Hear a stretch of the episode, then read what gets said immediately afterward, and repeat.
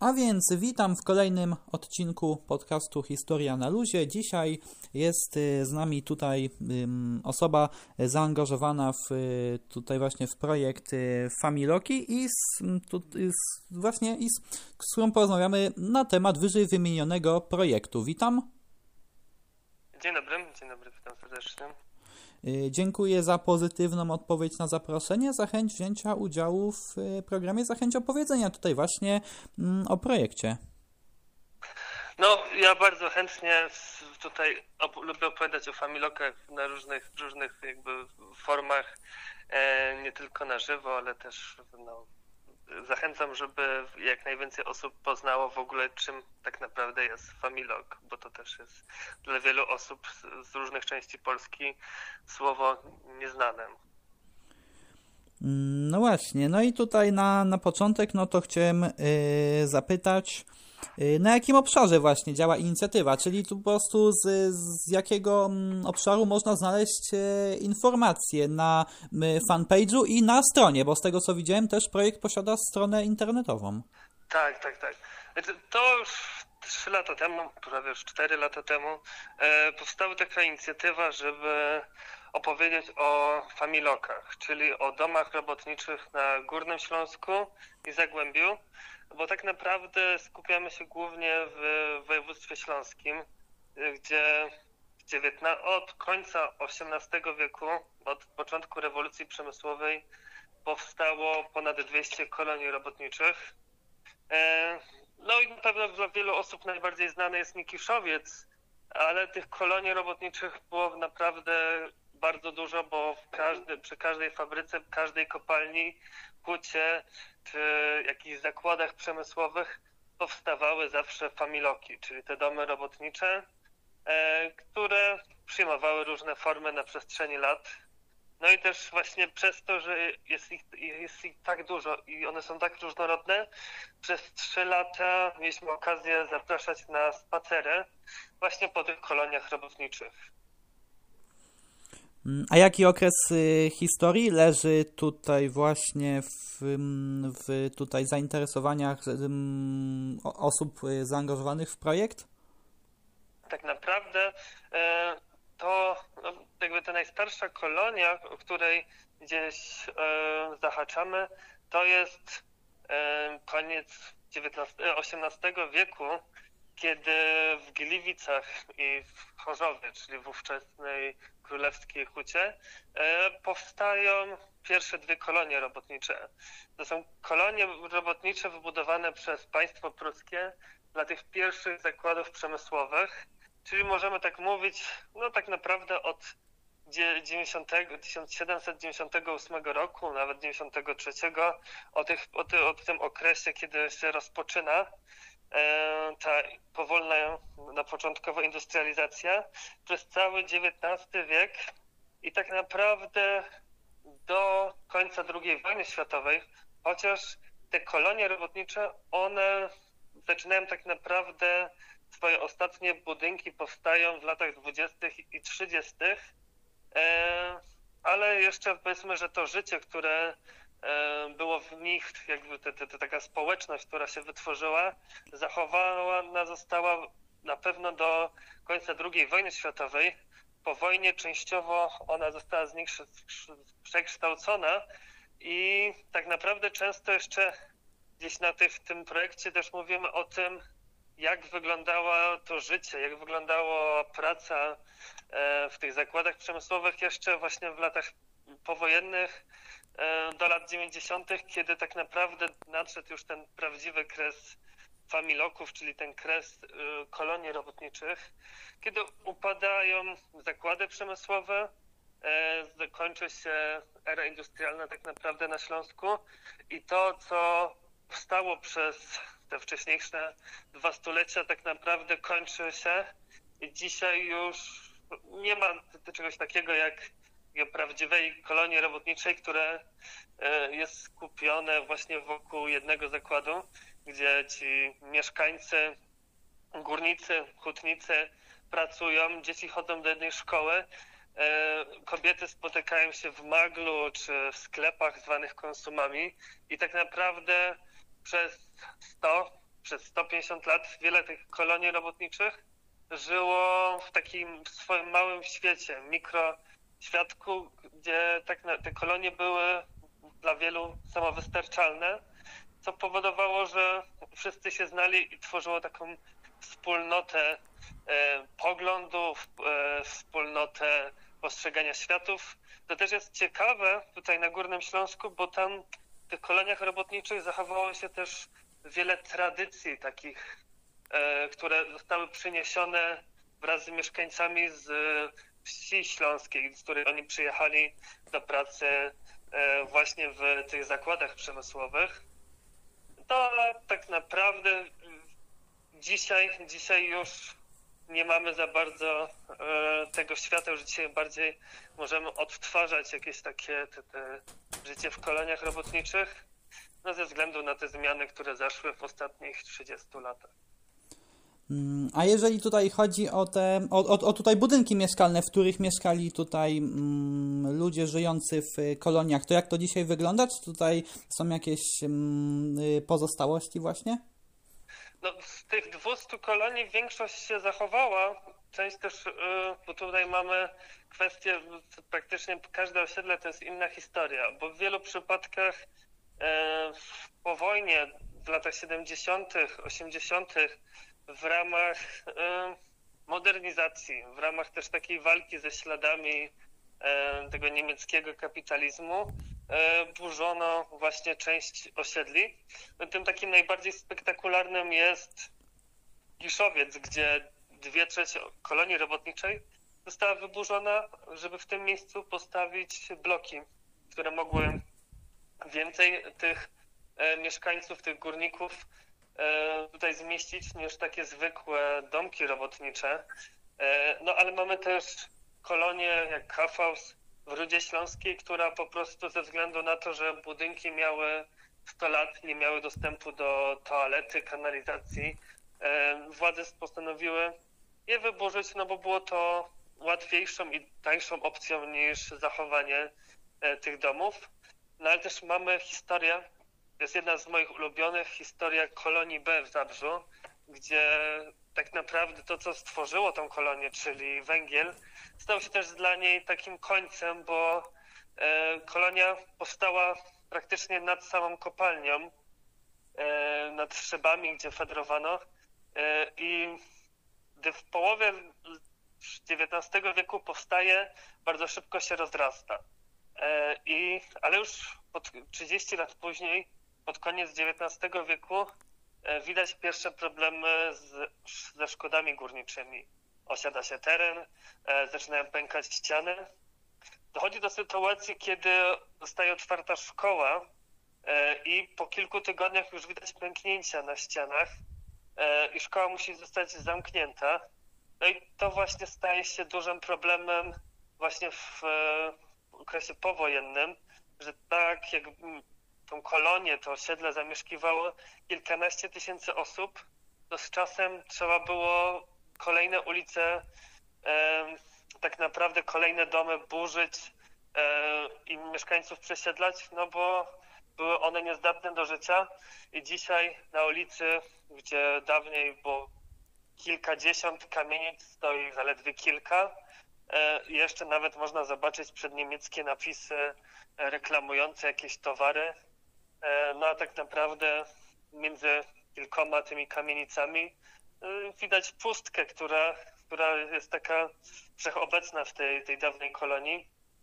A z 14 ulic, które były wypełnione domami, dzisiaj tak naprawdę tylko na kil, kilka domów wciąż tam stoi. Y, no i to jest taka historia właśnie dosyć smutna, bo tutaj na Śląsku to jest też problem wielu właśnie osiedli robotniczych, gdzie te familoki trzeba ankrować, czyli zakotwiczać, trzeba zabezpieczać, no bo szkody górnicze robią swoje i no po prostu są one niebezpieczne z czasem dla, do życia dla mieszkańców, e, te, te domy robotnicze.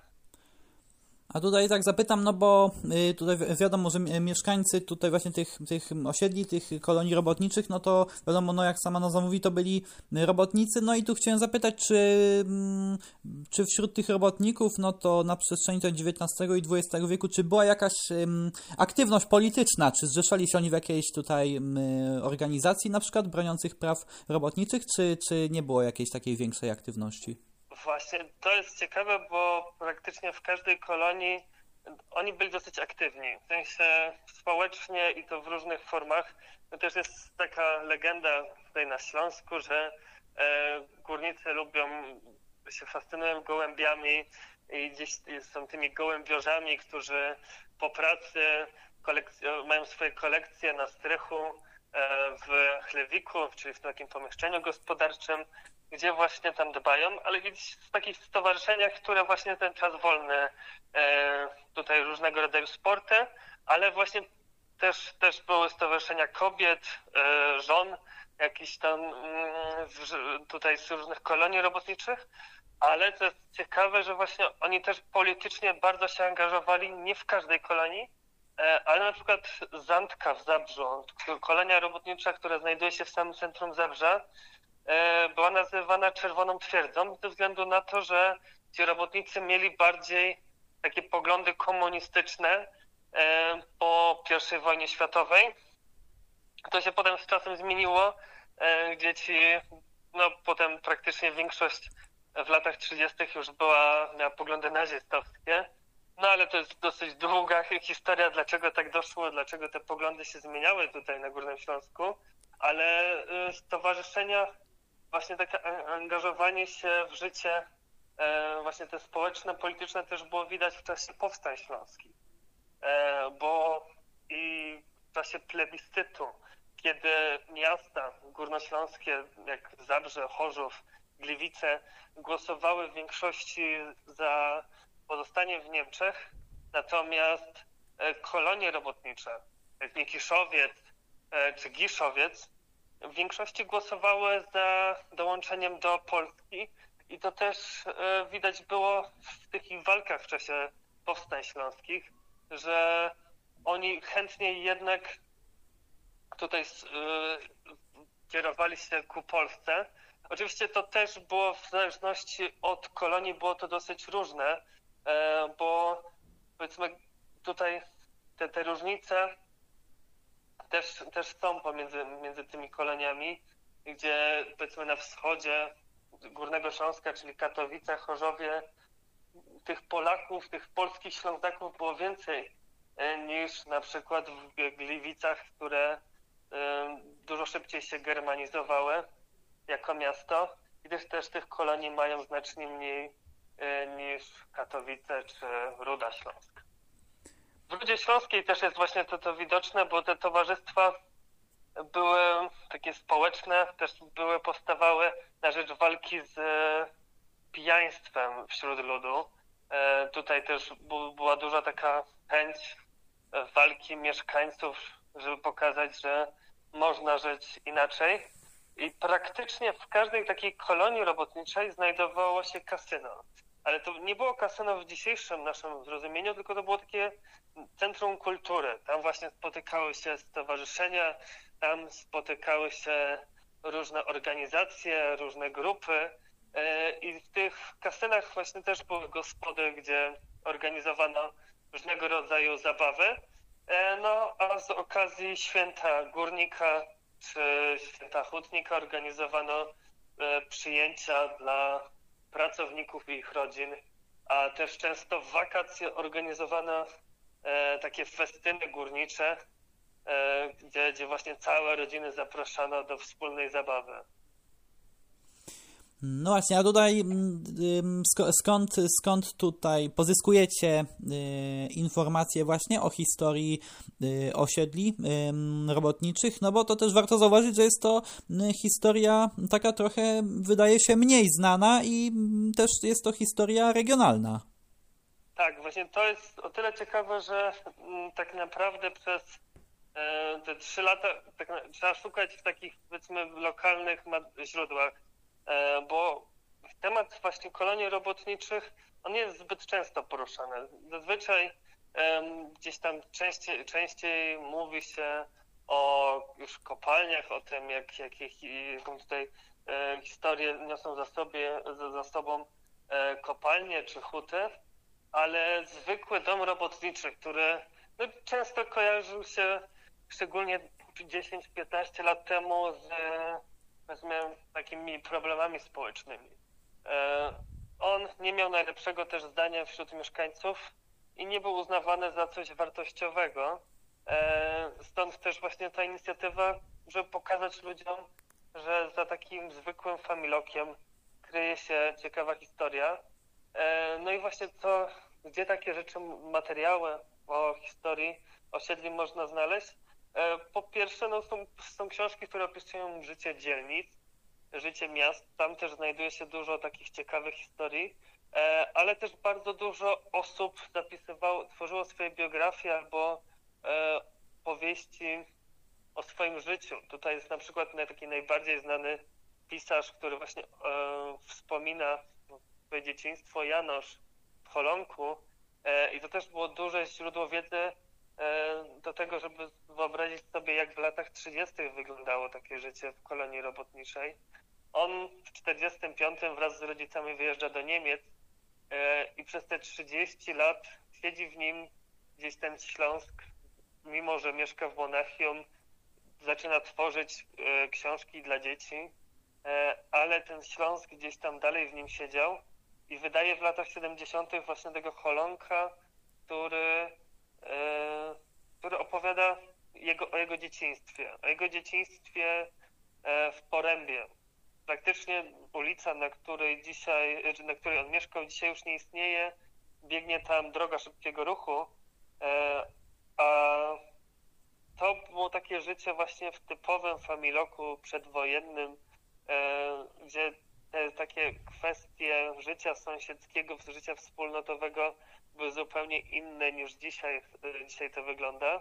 E, no ale też bardzo dużo takich materiałów e, o historii kolonii robotniczych można też znaleźć na stronach miast, bo część miast zauważyło, że w tym jest potencjał i reklamuje swoje kolonie robotnicze. No, tutaj najlepszym przykładem jest właśnie Katowice, gdzie ten Nikiszowiec stał się takim miejscem, które ma swoje, swoich przewodników. E, mieszkańcy oprowadzają po Nikiszowcu. Powstał audiobook, e, powstały takie, powstał przewodnik, więc ten Nikiszowiec i Giszowiec są bardzo dobrze opracowane.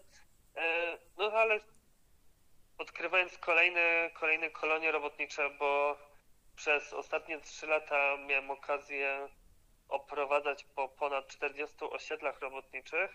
E, często trzeba było szukać dosyć głęboko, szukać w jakichś starych materiałach, książkach e, z lat 70., 80., czy archiwach, e, ale to też jest bardzo duża satysfakcja, aby odnaleźć coś, co wydaje się być czymś, czymś nowym, a kiedy na spacer człowiek przychodzą nowe, przychodzą osoby, okazuje się, że dla nich to jest coś, coś bardzo oczywistego, e, co, co na przykład nam się wydaje już zamieszłą przeszłością, bo e, dany budynek został wyburzony w latach 90. Więc to jest też takie ciekawe, e, co też na przykład pozwalało potem zebrać takie materiały już do dalszej pracy, to też właśnie rozmowy z mieszkańcami którzy do, dopowiadali też jakieś ciekawostki, które e, warto było poznać o tych, o tych osiedlach, e, bo z takimi osiedlami, no to oprócz właśnie budynków, e, warto też opowiedzieć o ludziach, którzy w nich żyli, o ich tradycjach, zwyczajach, czy też właśnie legendach takich, które krążyły. Coś, co u nas na Śląsku jest takim specyfik, specyficzne dla regionu, to są takie demony, którymi straszono kiedyś nie tylko dzieci, jak Bebok, Utopiec e, czy Zmora. E, I to też jest taki koloryt, który gdzieś tam te legendy zostały zapisane jeszcze przed wojną e, i właśnie można podziwiać, jak to kiedyś wyglądało takie życie mieszkańców w tych koloniach robotniczych. Dużym jeszcze takim materiałem są też zdjęcia archiwalne. Zdjęcia archiwalne, które powstały już tak naprawdę od połowy XIX wieku, pokazują, jak zmieniało się nie tylko życie w tych koloniach robotniczych, ale właśnie w zakładach pracy, jak zmieniało się też e, wygląd ludzi, e, stroje ludowe, które kiedyś jeszcze można do, było do lat 80. spotkać, starsze kobiety w tych, tych strojach, w tych śląskich. Dzisiaj to już tylko nieliczni aktywiści, którzy chodzą w takich strojach jeszcze gdzieś próbują reanimować ten zwyczaj. No i tutaj chciałem zapytać, czy by Pan chciał coś jeszcze dodać na koniec, jako takie podsumowanie? E, tak, ja właśnie, tak jak wspominałem, przez ostatnie trzy lata miałem okazję tutaj e, współtworzyć projekt Familoki, w ramach którego właśnie zorganizowaliśmy ponad 40 spacerów. E, no, w ramach te, tego, tego, zebrania tego, co się udało, E, stworzyć, e, powstaje właśnie książka Familoki, która będzie opowiadać właśnie o, o koloniach robotniczych, o życiu w nich, o tradycjach, o tym, co w, może nie wszystko, ale to o tym, co kryło się właśnie za tym Familokiem, czemu malowano okna na czerwono, e, a inni malowali na zielono. I tak naprawdę czym tak jest Familog i czym będzie w przyszłości. Ja dziękuję bardzo za rozmowę. Właśnie, ja tu jeszcze chciałem dopytać, i gdzie, gdzie tutaj będzie można nabyć e, książkę?